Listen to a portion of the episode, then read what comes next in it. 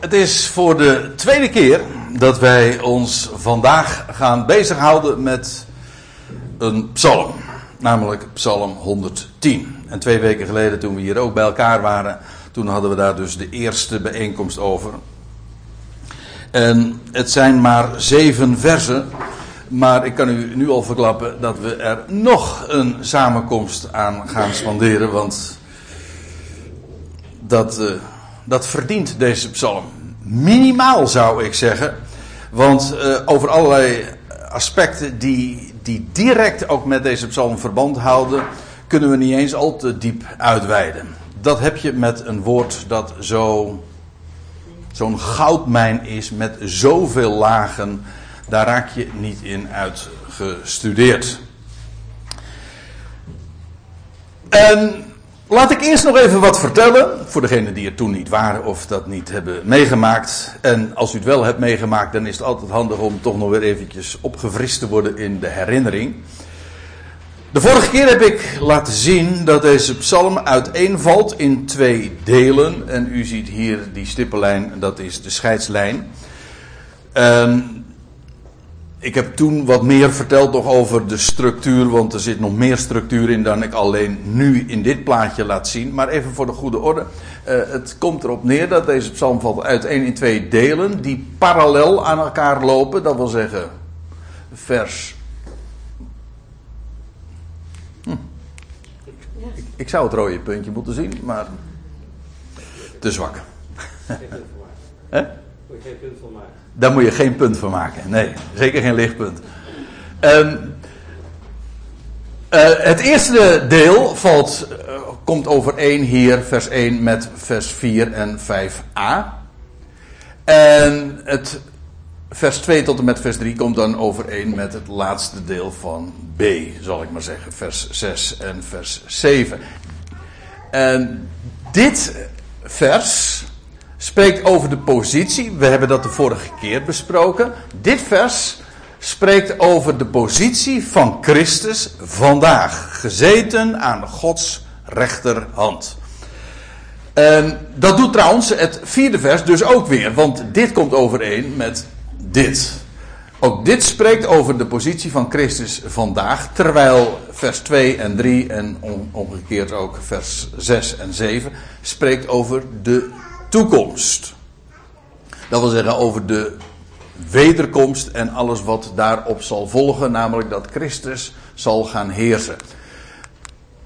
Dit vers, zoals gezegd, hebben we twee weken geleden besproken.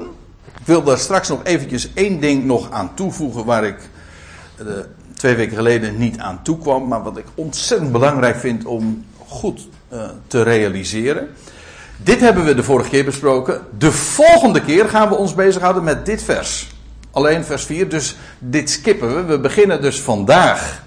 Uh, of de bespreking gaat verder in vers 2 en 3. En we zullen dit overslaan. En dan gaan we vervolgens door naar dit gedeelte. Dit spreekt dus allemaal over de wederkomst. En wanneer Christus zal terugkeren naar deze aarde en zijn heerschappij zal aanvangen in Israël en wereldwijd gaat uitbreiden.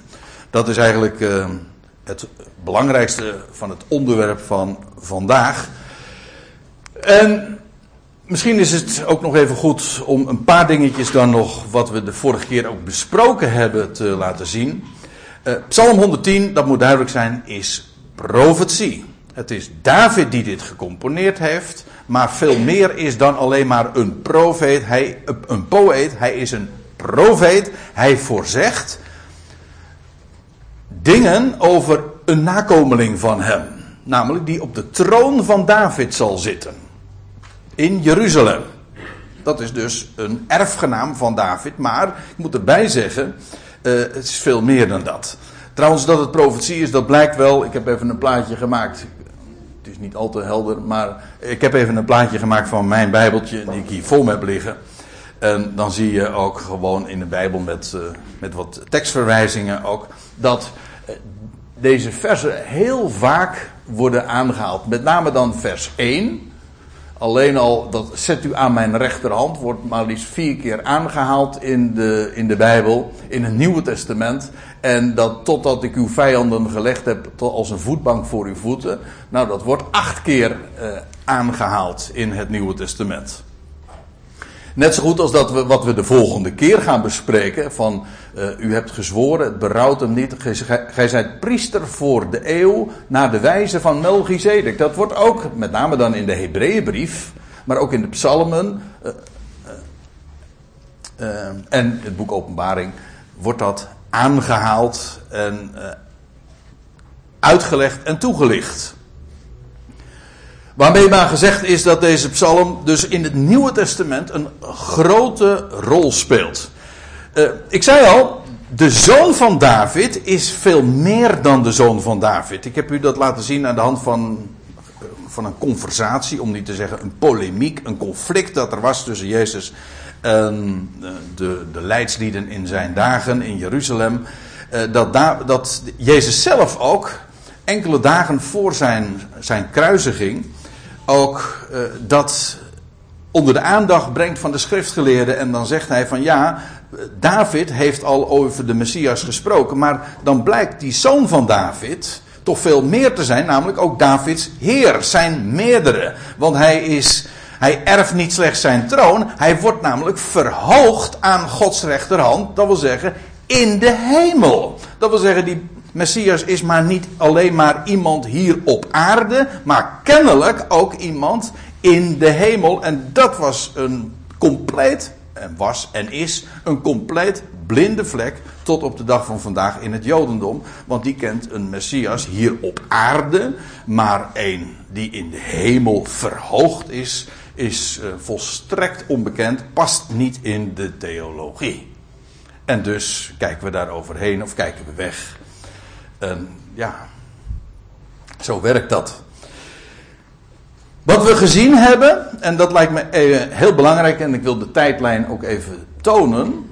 Dat is dat Psalm 110 niet zozeer expliciet zegt, maar wel impliceert, dat wil zeggen het veronderstelt, dat de zoon van David, de Davidson, die telg uit het huis van David, de definitieve, uit het koningshuis van David, die zou op aarde zijn, maar hij wordt verhoogd aan Gods rechterhand, want God zegt tegen hem: Zet je aan mijn rechterhand. Totdat ik je vijanden gesteld heb tot een voetbank voor je voeten. Met andere woorden, die zoon van David die wordt verhoogd, krijgt een plaats aan Gods rechterhand in de hemel. Dat is de positie van Christus vandaag in deze tijd dus. Tot ja, eigenlijk sinds 2000 jaren al, is dit de situatie. En daar, ja, wat doet hij daar? We hebben dat ook gezien aan de hand van Hebreeën 10 met name, waar dat expliciet ook zo gezegd wordt. Hij wacht daar. Hij is daar gezeten. Dat is een positie van rust, van triomf ook, aan Gods rechterhand. Een positie van eer. Uh, ontrokken ook aan het oog. Ook dat is heel elementair. Dat is ook karakteristiek voor de hele tijd waarin wij nu al 2000 jaar leven. Christus, de Messias, is er wel, maar je ziet hem niet. Maar ook dat is iets wat ik de volgende keer, als we het hebben over het priesterschap van Christus, nog veel uitgebreider wil laten zien. Ja, laten zien. Ja, want wij zien Jezus, ja, hoewel hij ontrokken is aan het oog. Rara, hoe kan dat? Maar we zien hem gekroond met eer en heerlijkheid, zeggen we de schrijver van de Hebreeënbrief na. Afijn, eh, de zoon van David, hij wordt verhoogd aan Gods rechterhand. Hij zet, aan, zet u aan mijn rechterhand, daar wacht hij. En totdat het de tijd is, en ik kan u verklappen, die is aanstaande, want de termijn is maar dat is niet het onderwerp van Psalm 110, dus dat laten we nu ook voor wat het is. De termijn is bijna vervuld. Dan zal hij namelijk terugkeren, in de openbaarheid treden, en dan zal hij gaan, zijn zetel gaan innemen in Sion. Dus hij was aan Gods rechterhand, nee, ja, nu nog steeds is, maar dan zal hij vervolgens gaan regeren in Sion. Dat wil zeggen in Jeruzalem. Daar in het Midden-Oosten. Daar zal is, ja, dat is de plaats immers waar de troon van David uh, is, uh, hoort te staan. Het is de stad van David. Regerend in Sion. En dan vervolgens in Sion gaat hij alle vijanden aan zich onderwerpen of onderschikken. Dat is eigenlijk de tijdlijn in Psalm 110. Uh, dit is het onderwerp van vers 1 en dus ook het onderwerp van, van de vorige keer, maar wat we ook de volgende keer weer zullen bespreken. Buitengewoon belangrijk, juist omdat het de actualiteit is. Tot op vandaag. Goed. Nog even één ding over uh, dat vers 1. Dat wil ik per se nog even gezegd hebben. De vorige keer was het, had ik dat al gepland, maar ik kwam er niet meer aan toe om dat uh, wat uit te werken. Maar er staat dus in, in Psalm 110, vers 1, het is dat het een psalm van David is. En dat Jahweh zegt met nadruk tot mijn Heer, zegt David. Zit aan mijn rechterhand, totdat ik uw vijanden stel tot een voetbank voor uw voeten. Dat zit aan mijn rechterhand. Dat is dus, spreekt van de positie die Christus heeft in onze tijd. Maar, ik moet erbij zeggen, iets heel belangrijks.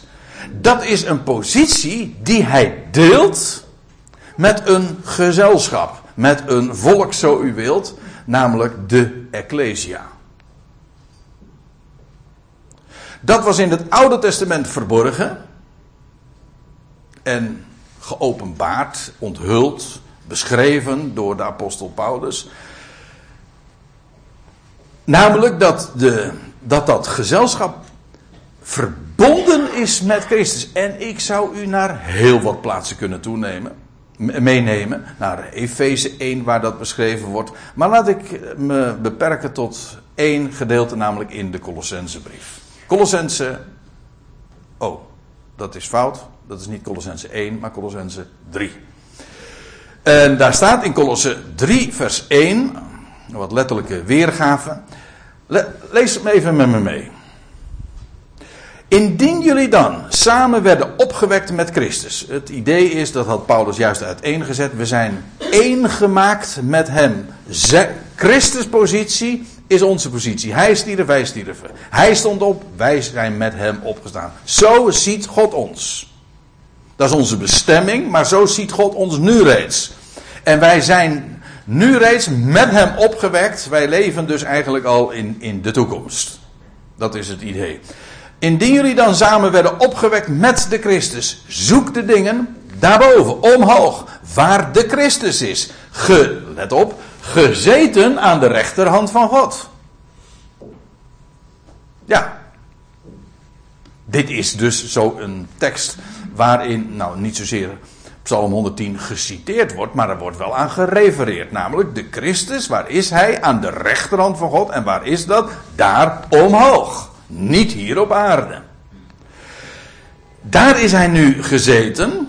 En uh, wij zijn, aangezien wij met hem zijn opgewekt. Hè, ja, wij zijn opgewekt. Uh, samen met hem. In nieuw leven. En daar is hij. En, en lees even verder. Bedenk die dingen de dingen boven, niet de dingen op de aarde. Niet omdat die dingen op aarde nou zo fout zijn, daar gaat het niet om. Maar daar is Hij, daar is ons leven. Want jullie stierven, met Hem namelijk, en jullie leven is verborgen samen met de Christus in God. Aha, dus het feit dat Christus daar nu boven is, aan de rechterhand van God, dat bepaalt ook onze plaats, want wij zijn met Hem verbonden in zijn dood, in zijn opstanding, maar ook in het feit dat Hij daar aan Gods rechterhand is. Wij zijn daar ook. Hij is ons leven.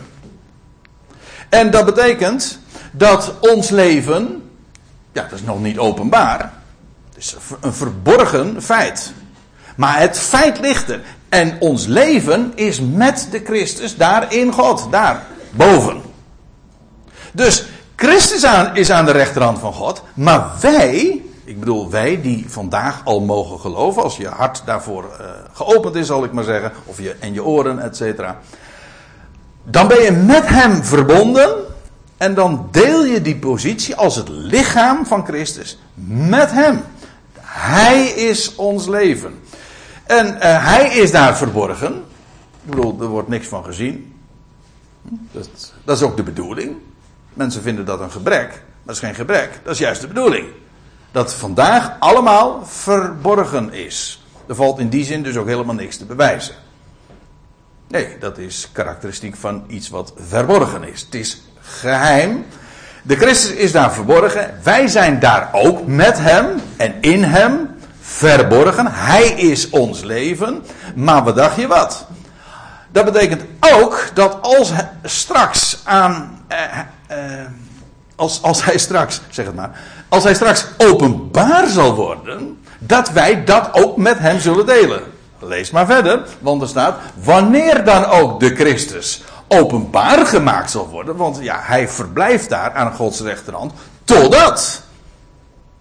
Hij wacht. En in deze tussentijd aan Gods rechterhand zijn wij met hem verbonden. Maar dat betekent dat als hij die positie gaat verlaten en openbaar gemaakt zal worden, hier op aarde, dan wordt zijn koninkrijk dus manifest, zichtbaar. Dan is de tijd van de verborgenheid voorbij en dan begint de tijd van de openbaring. Ja, als u zegt van hé, hey, dat is ook een Bijbelboek, dan zeg ik ja, dat klopt. En dat heeft er ook mee te maken. Eigenlijk is dat één op één, hetzelfde. Wanneer dan ook de Christus openbaar gemaakt zal worden, jullie leven, want hij wordt openbaar, maar hij is ons leven, worden wij dus ook. Nou, ik hoef het niet zelf te zeggen. Paulus schrijft het gewoon. Dan zullen jullie ook samen met hem openbaar gemaakt worden in heerlijkheid. Het staat er, maar het is ook zo logisch. Als wij inderdaad één gemaakt zijn met hem, dan is het ook niet meer dan logisch, als wij zijn lichaam zijn, dat als hij openbaar zal worden, wij met hem in heerlijkheid worden geopenbaard. Dus je kunt gewoon rustig stellen dat wij dus ook vermeld worden in Psalm 110. U zegt, dat is verborgen. Dan zeg ik, dat is precies het punt. Maar het, het, ligt er dus in verborgen. Want als het in Psalm 110 staat dat Christus gezeten is aan Gods rechterhand, dan zijn wij dat ook dan is dat niet alleen het hoofd, maar ook het lichaam. De Christus is dus eigenlijk hoofd en lichaam. En als het hoofd openbaar wordt, ja, dan worden wij met hem geopenbaard in heerlijkheid. En dat betekent ook dat wij uh, een aandeel hebben in de, in, de, in de vestiging van dat koninkrijk. En wij als Ecclesia vooral een plaats hebben en een taak hebben ook in verband met het hemelse. Maar goed, dat is echt weer zo'n ander uh, uitgebreid onderwerp. Machtig om te, om te overdenken en dat na te zoeken in de schrift. Het gaat mij eigenlijk om één ding nu. Dat is dat ik graag uh, geaccentueerd wil hebben. In vers 1 van Psalm 110 wordt over de Christus gesproken. Maar vat de Christus dan niet alleen op als het hoofd, namelijk Jezus Christus, maar ook de Ecclesia, zijn lichaam die met hem verbonden is. Nou, met dat gegeven uh, gezegd hebbend, uh, daar wil ik het even bij laten. Bij een andere gelegenheid moeten we daar nog. Uh, en komen we daar ook ongetwijfeld nog wel op terug. Goed. Wij gaan nu dus verder met het vervolg van Psalm 110. En ik zei al, dat is. Dat zijn die passages, die versen. Het zijn er maar een paar eigenlijk. Maar die spreken over zijn parousia. Als hij openbaar gaat worden hier op aarde gaat verschijnen. En dan staat er in vers 2 van Psalm 110: Jaweh zendt uw krachtige scepter uit vanuit Zion. Eh, David spreekt hier over ja, zijn, de zoon van David, maar over hem, over degene die hij noemt mijn Heer. Het is profetisch. En dan zegt hij, uh, het is Jahweh zelf die uw krachtige scepter, dat wil zeggen de koningsstaf. Staf is altijd een beeld van, ja, van opstanding, maar ook van heerschappij. Ja, dat kan ook een, dat kan ook een hamer zijn, een voorzittershamer. Maar altijd een staf, de scepter, een gouden scepter vanuit Zion. En dan zie je dat. Uh, kijk, vanuit de hemel zal, dat wil zeggen aan Gods rechterhand, waar Christus nu wacht, zal hij straks verschijnen. Eerst aan Zion. En ik, ik excuseer me maar even. Ik kan dat natuurlijk nu uh, niet, niet aantonen. Maar bij andere en eerdere gelegenheden hebben we dat uh, veel uitgebreider ook uh, gezien. Ik herinner me dat we. Was het vorig jaar of twee jaar geleden? Dat we een heel aantal keren over Zacharia 14 hebben nagedacht.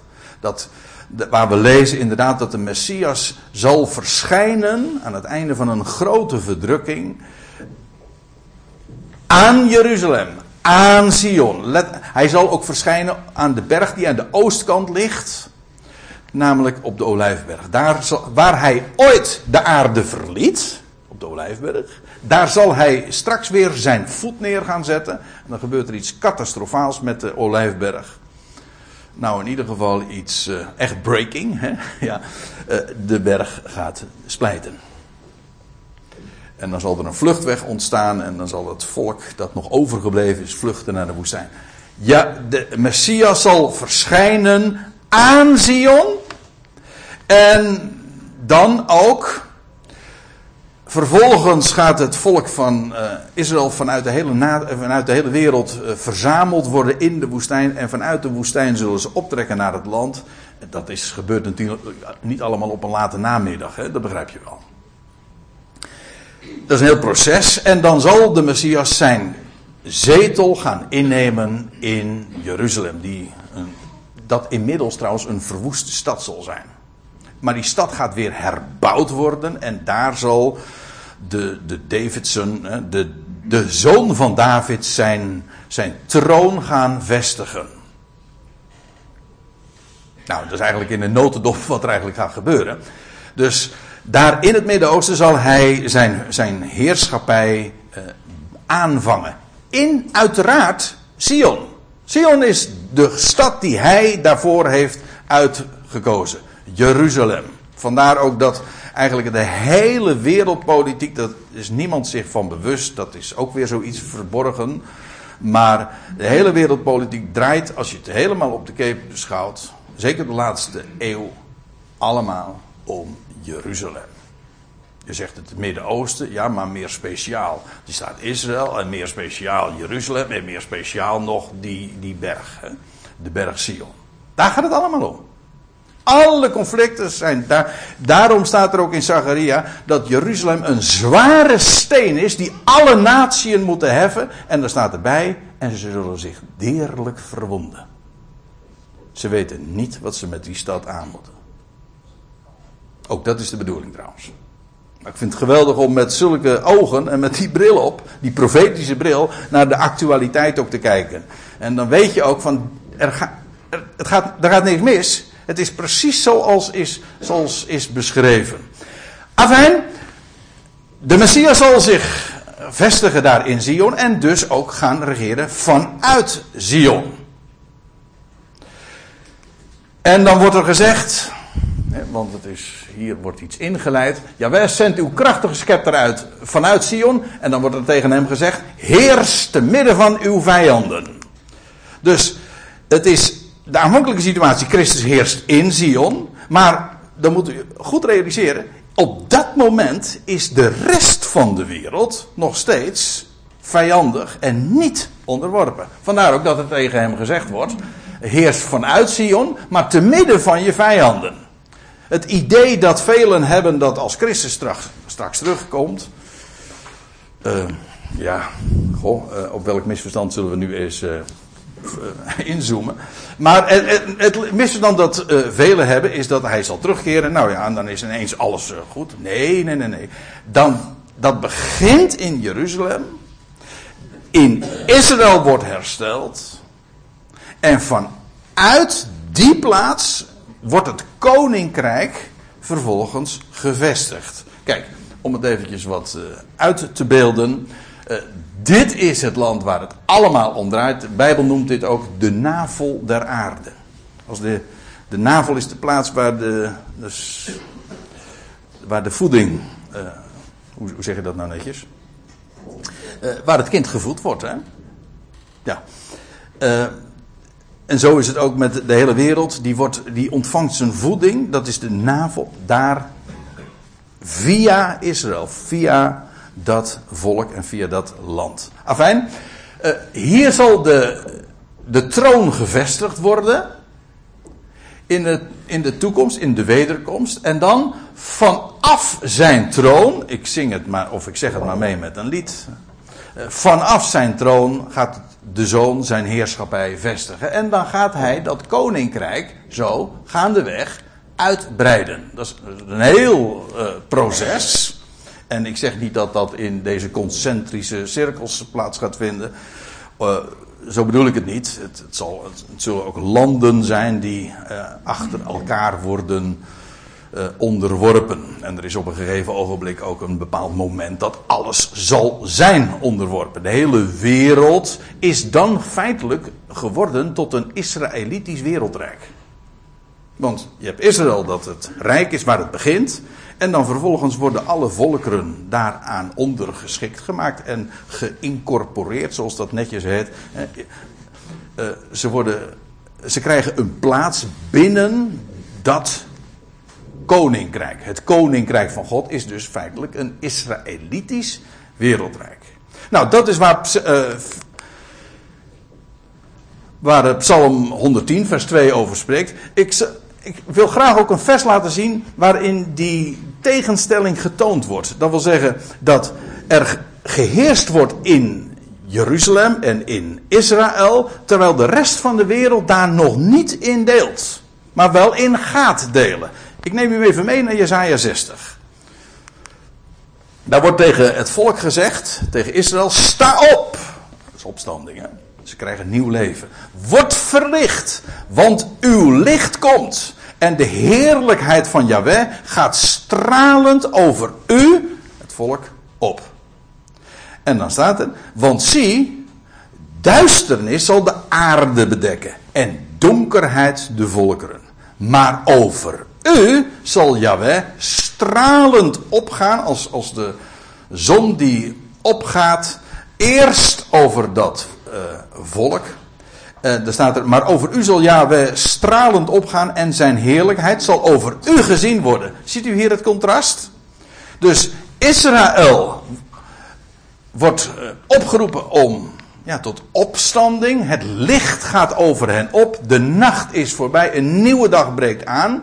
Maar terwijl Israël in het licht al baat en de heerlijkheid van Yahweh daar gezien wordt, is het nog zo dat de natieën in aanvang in duisternis zijn en uh, trouwens ook eh, geconfronteerd zullen worden met de gerichten en onder, onderworpen zullen worden. Dat is een hele strijd ook nog. In uh, Den Haag loopt. Dat is een beetje apart, maar ik heb in Den Haag een aantal spreekbeurten nu lopen. En die heb ik allemaal gereserveerd voor Psalm 2. Ik zit erg in de psalmen.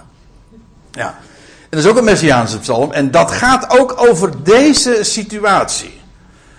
Ik denk wel eens een keertje, het kan toch eigenlijk niet missen. Je, je struikelt er gewoon over.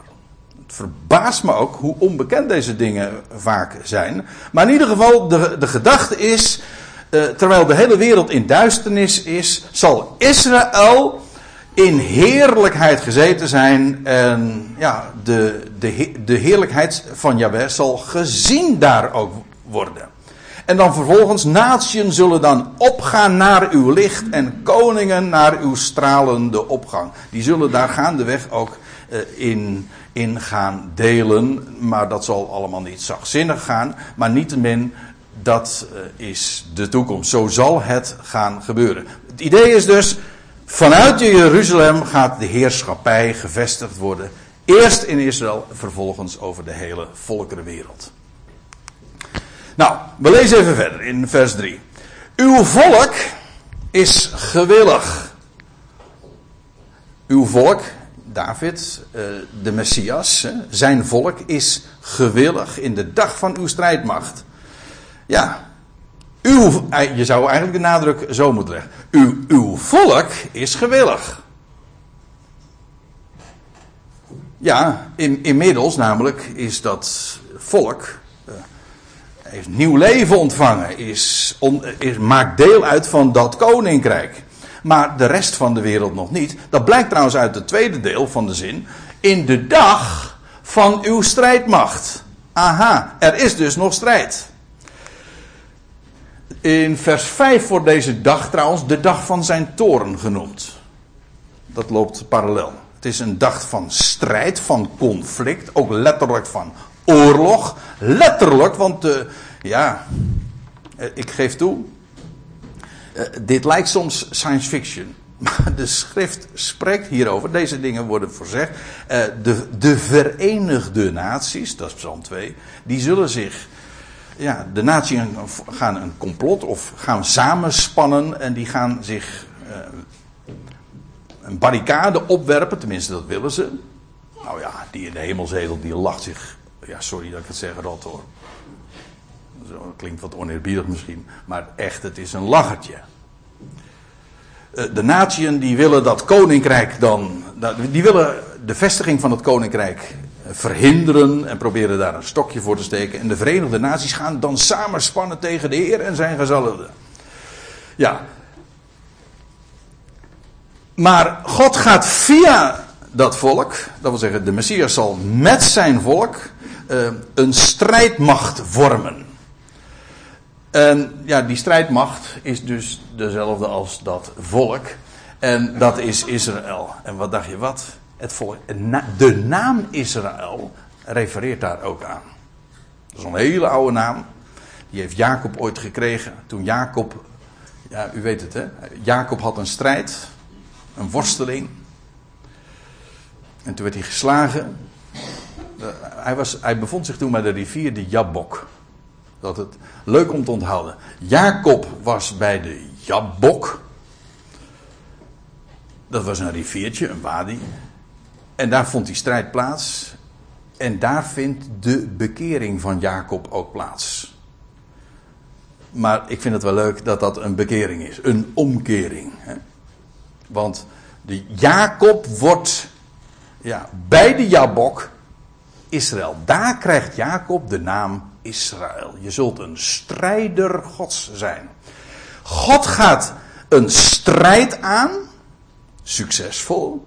Dat doet hij via het door hem uitverkoren volk.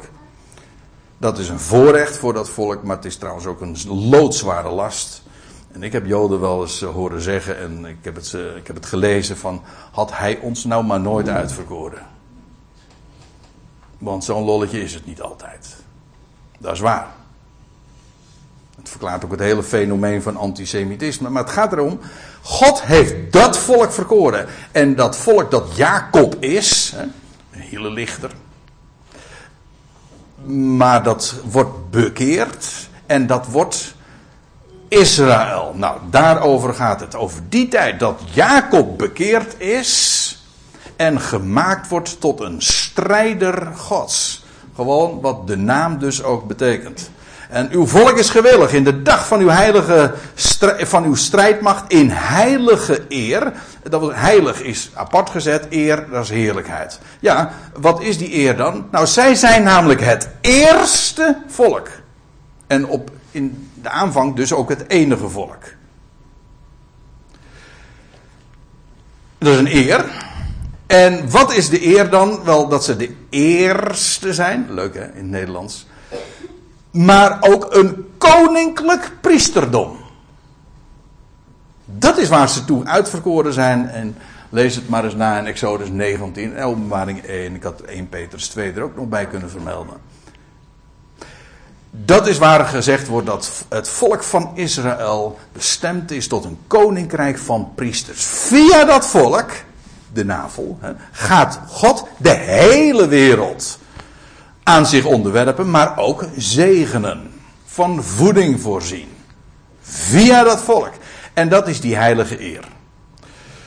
En, en over de dag dat dat proces zich voltrekt, dat wil zeggen dat via Israël dat volk uh, en de volkeren worden onderworpen, daarover die dag, die periode gaat het. En dan staat erbij, en het, het staat er erg, uh, ja, ook poëtisch. Vanuit de schoot van de dageraad zal voor u de dauw van uw jeugd zijn. Nou moet je hem twee keer lezen hoor. Want dat, uh, dat klinkt nogal raadselachtig, geef ik direct toe. Maar laten we eventjes uh, wat met precisie deze tekst bekijken. Vanuit de schoot van de dageraad.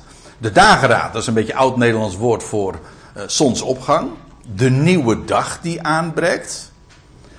Uh, de schoot, ja, dat is letterlijk staat hier ook een woord dat de baarmoeder betekent, rechem. Ook barmhartigheid trouwens, maar goed.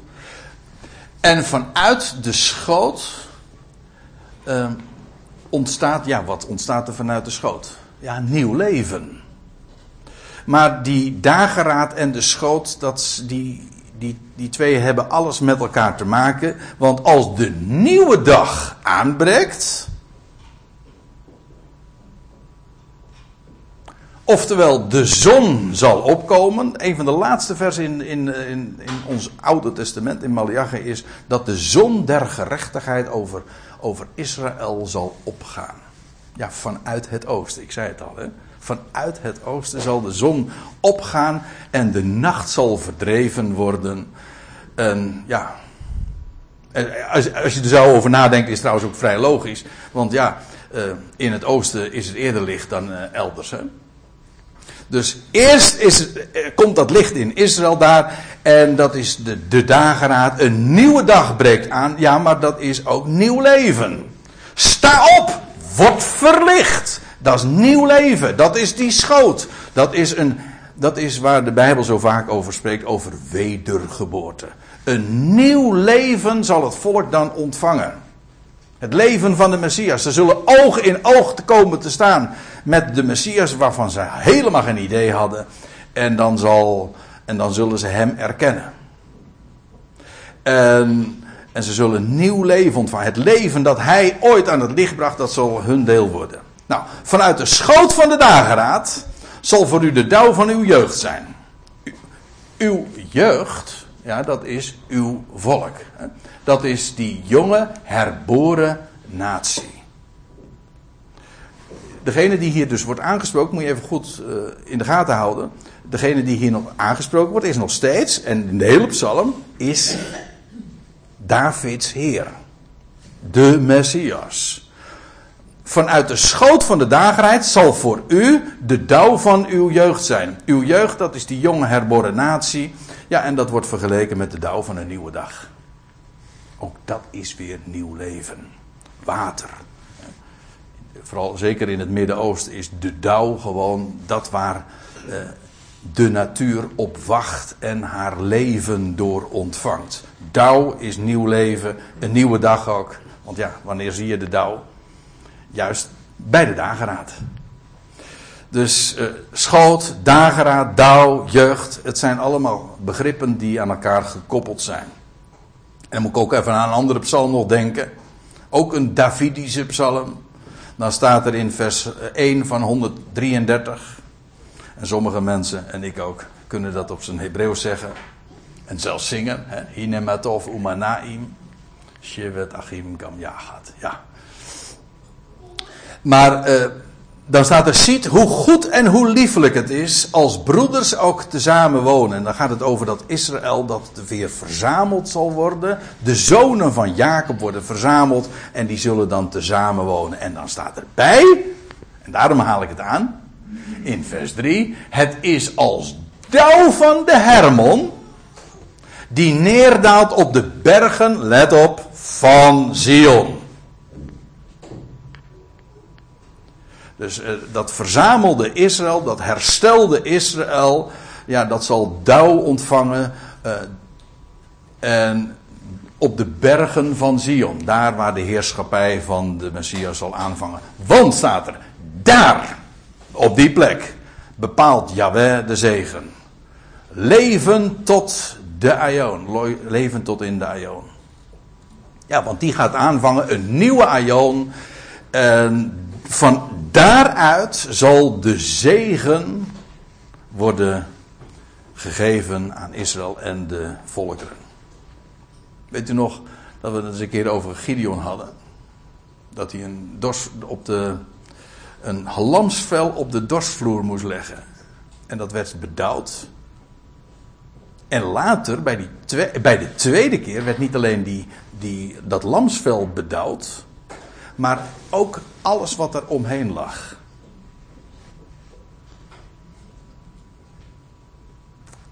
De eerste keer alleen het lamsvel. De Messias. Het, degene die geofferd is, degene die geslacht is, maar die vervolgens leven ontving. Maar bij de tweede gelegenheid werd, wordt al het andere, de rest, ook ontvangt diezelfde dauw, dat nieuwe leven. En als u zegt, ik vind het een beetje onsamenhangend, André.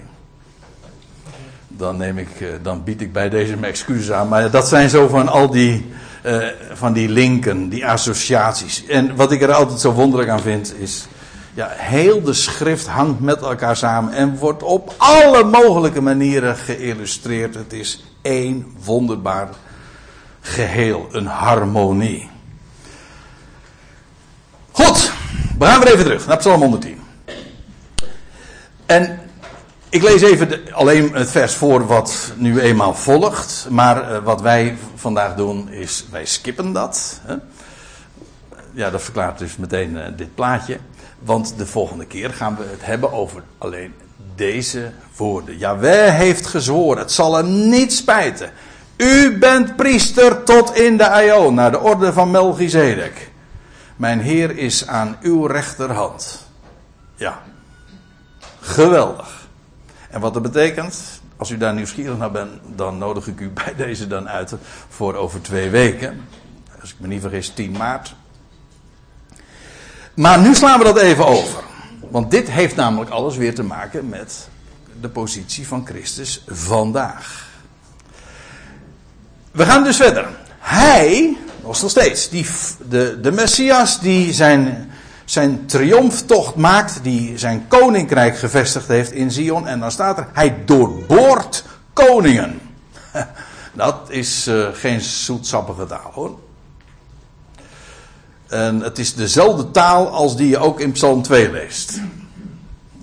Uh, namelijk, uh, hij, zal, hij zal hen, degene die opstaan, die zich niet wensen te onderwerpen, die zal hij stuk slaan, staat er, als potterbakkerswerks. Ik kan u dit vertellen, het koninkrijk dat straks gaat komen, ik weet niet of ik u daarmee teleurstel, maar helaas, dat is niet democratisch. Wordt niet bij meerderheid van stemmen besloten. Totaal niet. En dat koninkrijk wordt. Nee, kijk, democratie is. Uh, dat komt van onderaf. Het gezag komt van onder. betekent democratie. Van, uh, het komt van het volk. Hè? Maar het koninkrijk van God, dat is top-down. Komt van boven. Gezag komt van boven. Zoals alle zegen ook van boven komt, u weet het. Het komt met recht van boven. In, dat is eigenlijk heel erg dubbelzinnig wat ik nu zeg. Het komt van boven. En het vestigt zich hier en zal vervolgens worden uitgebreid. Maar gewoon, dat is een gegeven. En wie, eh, en wie niet buigen wil, ja, die moet barsten. Ja, daar komt het eigenlijk een beetje op neer. Ik moet er even bij zeggen, dit gaat dus, dit is een, uh, een, een plaatje, een film over de, het begin van de toekomende aion hier op aarde. Want ik weet natuurlijk, uh, maar dat is nu niet het onderwerp, dat uiteindelijk ook alle vijanden worden niet alleen onderworpen, maar dat zelfs de ges, dat ook de dood zal worden onderworpen. De vorige keer hebben we dat ook nog overwogen. Dat is, dat is het einde van het verhaal. Als zelfs de laatste vijand, de dood, gaat worden onderworpen. En dat betekent dat alle dieren inmiddels dood zijn of uh, gedood zijn. Die zullen alsnog tot leven komen. En tot hun bestemming komen.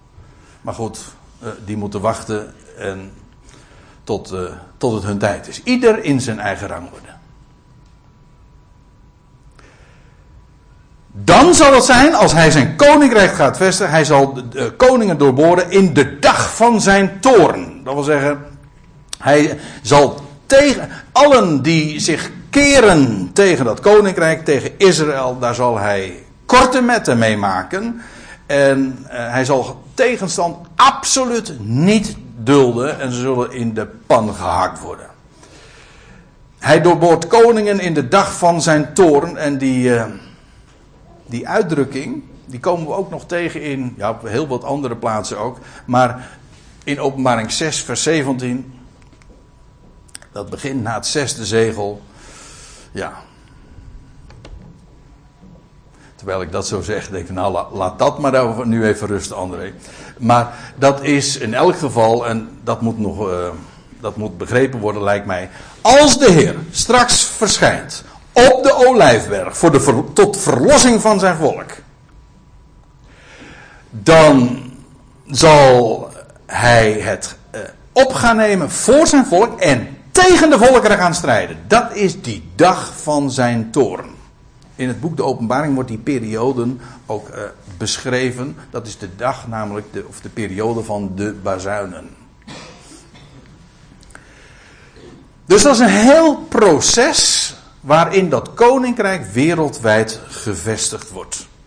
En dan staat erbij, hij zal recht verschaffen te midden van natieën. Dan gaat er eindelijk iets gebeuren wat nu al eeuwen, millennia lang niet gebeurt. Namelijk gerechtigheid. Gerechtigheid ook wereldwijd, ook politiek, publiek. Publiekelijk recht zal er worden gedaan. En ook dat is Top-down. Hij zal, hij zal recht verschaffen te midden van naties. Daar wordt nogal eens een keer over gesproken. Dat is een geweldige tijd. Dan zal gerechtigheid eindelijk gaan wonen en heersen op aarde. Er staat, uh, ja, wij in het Nederlands hebben hier vier, uh, zeven uh, woorden voor nodig, maar in het Hebreeuws staat hier maar twee woorden, ziet u? Dit zijn twee woorden. Het Hebreeuws is een hele compacte taal. Maar waar je dat bijvoorbeeld ook vindt in Jezaja 2. Dan staat er, vers 4. Hij zal richten tussen volk en volk. Als er, conflicten zijn, je moet het heel concreet je voorstellen. Als er conflicten zullen zijn tussen naties, wel dan is hij, ja dan is daar het, eh, eh, hoe heet dat? Het uh, internationaal rechtshof, om zo te zeggen. En daar gaat hij over. En hij zal recht spreken over machtige natie. Dan gaat er trouwens ook een geweldige periode van vrede aanbreken. Want ja, als het allemaal centraal geregeerd wordt, dan kan dat ook. En, dan, en dan, wat er dan gebeurt is, dan zullen ze een zwaarde tot ploegschade omsmeden. Wat trouwens, weet, weet, u dat deze tekst die hier uh, afgebeeld staat, en die trouwens ook in Micha 4 voorkomt, dat die wordt, uh, dat dat staat geschreven op de steen in, uh, van de Verenigde Naties in New York. Ja, op een groot. Ja, op de wand van de Verenigde Naties in New York. Ja. Uh, dan zullen zij hun zwaarden tot ploegscharen omsmeden en hun speren tot snoeimessen. Dat is de grote droom van de Verenigde Naties. Ik moet zeggen, hoe komisch. Ja, komisch. Ik, ik, eh, kijk, het, het drukt uit het verlangen van de mensheid dat er eindelijk eens een tijd gaat komen voor de volkerenwereld. Al duizenden jaren jaagt de mens ernaar.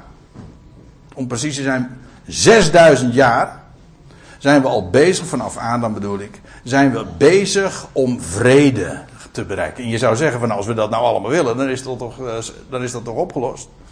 Ja, dachten we. Ik, ik moet erbij zeggen, al 6000 jaar zijn we daarmee bezig. Zes dagen arbeiden. En dan zegt God, en eh, nou is het genoeg. En nou is mijn dag. Dat is de zevende dag. Dat is het nieuwe millennium. Het zevende millennium. Als dat gaat aanbreken, ja, dan gaat dat gebeuren. Maar dat is niet vanwege de activiteiten van de natieën. Nee, staat er dan in Jezaja 9. Uh, Dat, dat groot zal de heerschappij zijn, eindeloos de vrede op de troon van David, doordat hij het, richt, sticht met recht en gerechtigheid. En dan staat erbij, moet je maar naar eens nalezen in Jezaja 9, prachtig. De ijver van de heren der heerscharen, van Jahweh der legerscharen, zal dit doen. Aha, dan weet je meteen van waar het komt. Jahweh gaat dit realiseren. En wel op de wijze en via degene die hij daarvoor heeft aangewezen. En anders niet. En niet mee eens? Jammer. Het gaat toch zo gebeuren. En dan, dan, dan gaat dus de droom in vervulling. Ja, die de mensheid al, al duizenden jaren koestert vrede. Dan zullen zij een zwaarde, dat wil zeggen al het oorlogsgereedschap wordt dan vervolgens voor vredesdoeleinden omgesmeed. Nou, je, je, je, kunt je voorstellen dat als al die kapitalen die nu in de oorlogsindustrie gedumpt worden. Dus, en dat is, er is geen kostenpost zo groot als deze, als de oorlogsindustrie. Als al die kosten nou eens voor vredesdoeleinden worden ingezet. Dan wordt, de, dan, weer, dan wordt de wereld een paradijs. En dat gaat ook gebeuren. Dan zullen zij een zwaarde tot ploegschade omsmeden en een speren tot snoeimessen. En geen volk zal tegen een ander volk het zwaard opheffen. En ze zullen de oorlog niet meer leren. Ah, eindelijk. Dan dus. Ja. Weer even terug naar Psalm 110. Daar staat nog bij, en dat is, uh, ik vond het, ik vind, eigenlijk vind ik het het moeilijkste uh, deel uh, van de hele psalm. Dat wil zeggen, om dat recht te, te lezen. Er staat letterlijk dit. Hij vult of vervult mm, ja, lichamen. In de NBG-vertaling wordt dit vertaald met hij hoopt lijken op. Dat is niet echt een vertaling, dat is interpretatie. Maar goed, dat zou dan idiomatisch de betekenis zijn. En dan wordt het negatief opgevat. En ik zeg, eh, dat zeg ik nou niet om dat nou zo van de tafel te vegen en dat het nergens op slaat. Dat kan inderdaad, de, dat zou de gedachte kunnen zijn, ook in deze context. Het gaat immers over het feit dat de, met harde hand de Messias, de zoon van David, zijn koninkrijk gaat vestigen. En dan ook inderdaad uh, de, de en, en alle tegens zal, zal stuk slaan als pottenbakkerswerk. Dus deze gedachte zou uh, op kunnen gaan. Maar als ik het gewoon heel letterlijk neem, dan zou ik zeggen: waarom dan niet gewoon zo? Namelijk positief, hij vult, hij vervult lichamen. In die zin, hij verzadigt lichamen. Dat wil zeggen, hij verstrekt zijn voedsel. Ik, uh, ik zeg niet van heel gedecideerd van dit is de betekenis. Uh, ik geef hem gewoon mee ik, eigenlijk de simpelste uitleg is om het niet uit te leggen. En het gewoon onvertaald te laten. En dan is de eerste associatie met het vullen van lichamen, denk ik toch echt aan het verstrekken van voedsel. Maar wat dacht je wat? Dat is ook wat hij gaat doen. Hij gaat vrede vestigen. Hij zal recht verschaffen te midden van natieën. Maar er zal dan ook weer voedsel zijn in overvloed. Hij verstrekt voedsel. Hij is trouwens de ware Jozef. Dat deed hij toch ook, hè?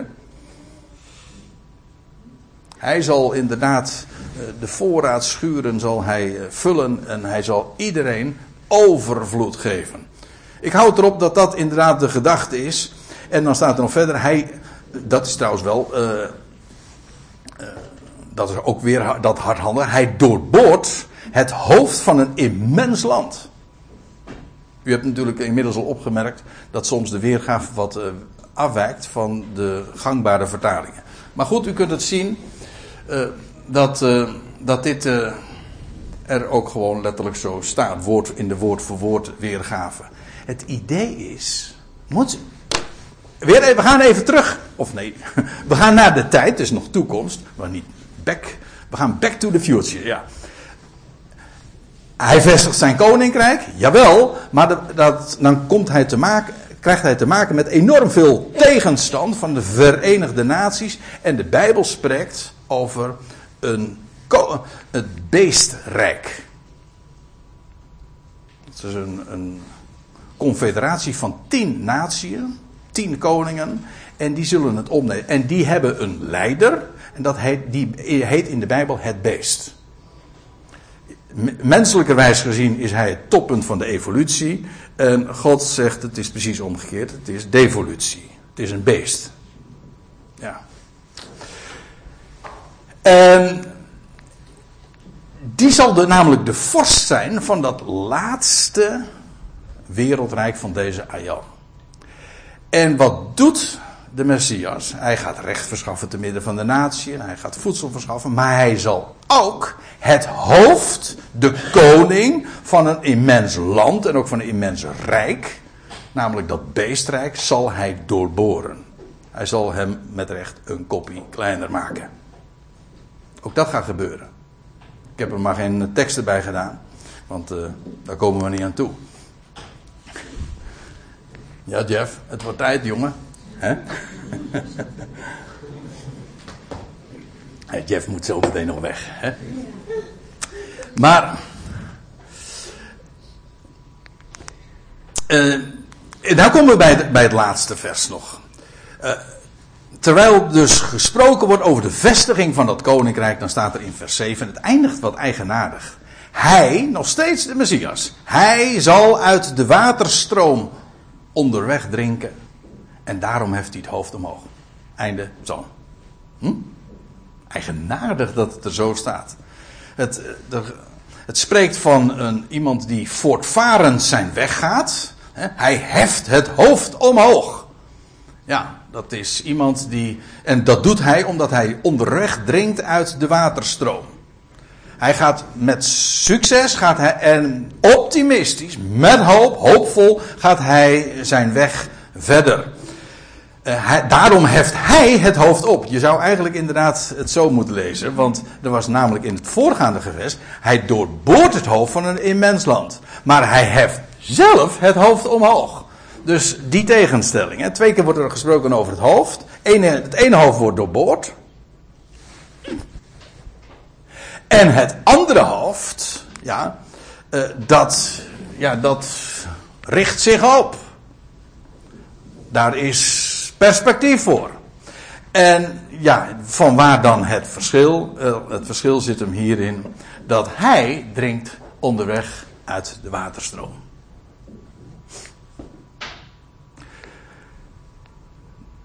Typologisch is het sowieso niet moeilijk te begrijpen. Want de waterstroom, we hebben erover gezongen trouwens nog over. Dat is een beeld van het woord.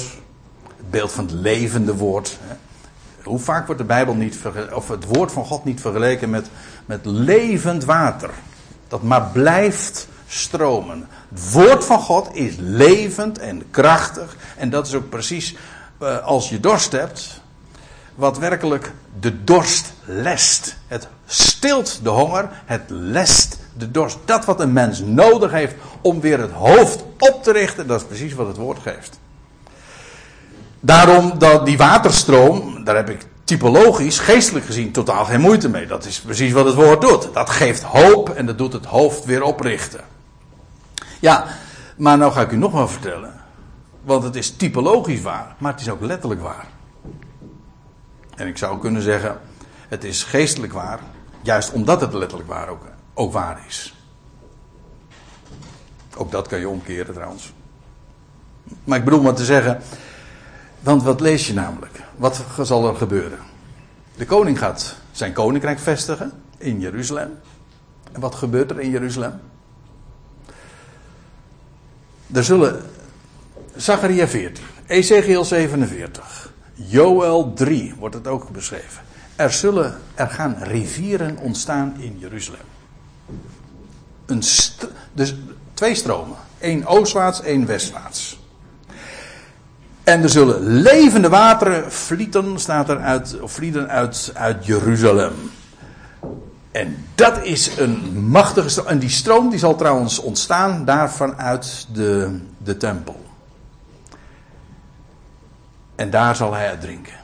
Ik neem dat dus ook heel letterlijk is dat waar. De Messias zal heersen. Hij zal inderdaad ook eh, drinken uit de bron van levend water, wat je zowel figuurlijk als letterlijk op kunt vatten. Maar daarom zal hij ook voortvarend zijn koninkrijk hier op aarde gaan vestigen. Nou ja, dat zijn zo van die dingen die we, die we mogen verwachten voor de, nou ja, voor de komende tijd. Ik bedoel, deze aion loopt op zijn einde. De zevende dag is aanstaande. En dat betekent dat hij zijn koninkrijk gaat vestigen. En we weten daar al heel wat van. Waarom? Omdat God duizend jaren geleden reeds het zijne daarover heeft gezegd. En daarom richten ook wij het hoofd omhoog. Want wij drinken ook, en dat is geest, uit die bron. En daarom, als je drinkt uit die bron, dan, krijg, dan kun je altijd met een opgeheven hoofd in het leven staan. Met gemak. Positief. En inderdaad, hoopvol. Als er één soort mens is dat reden heeft om, om hoop en verwachting te hebben, dan is het wel dat volk dat zijn God kent. En die weet dat wat hij zegt, gaat hij ook onverbiddelijk vervullen. Zullen we daarbij laten van?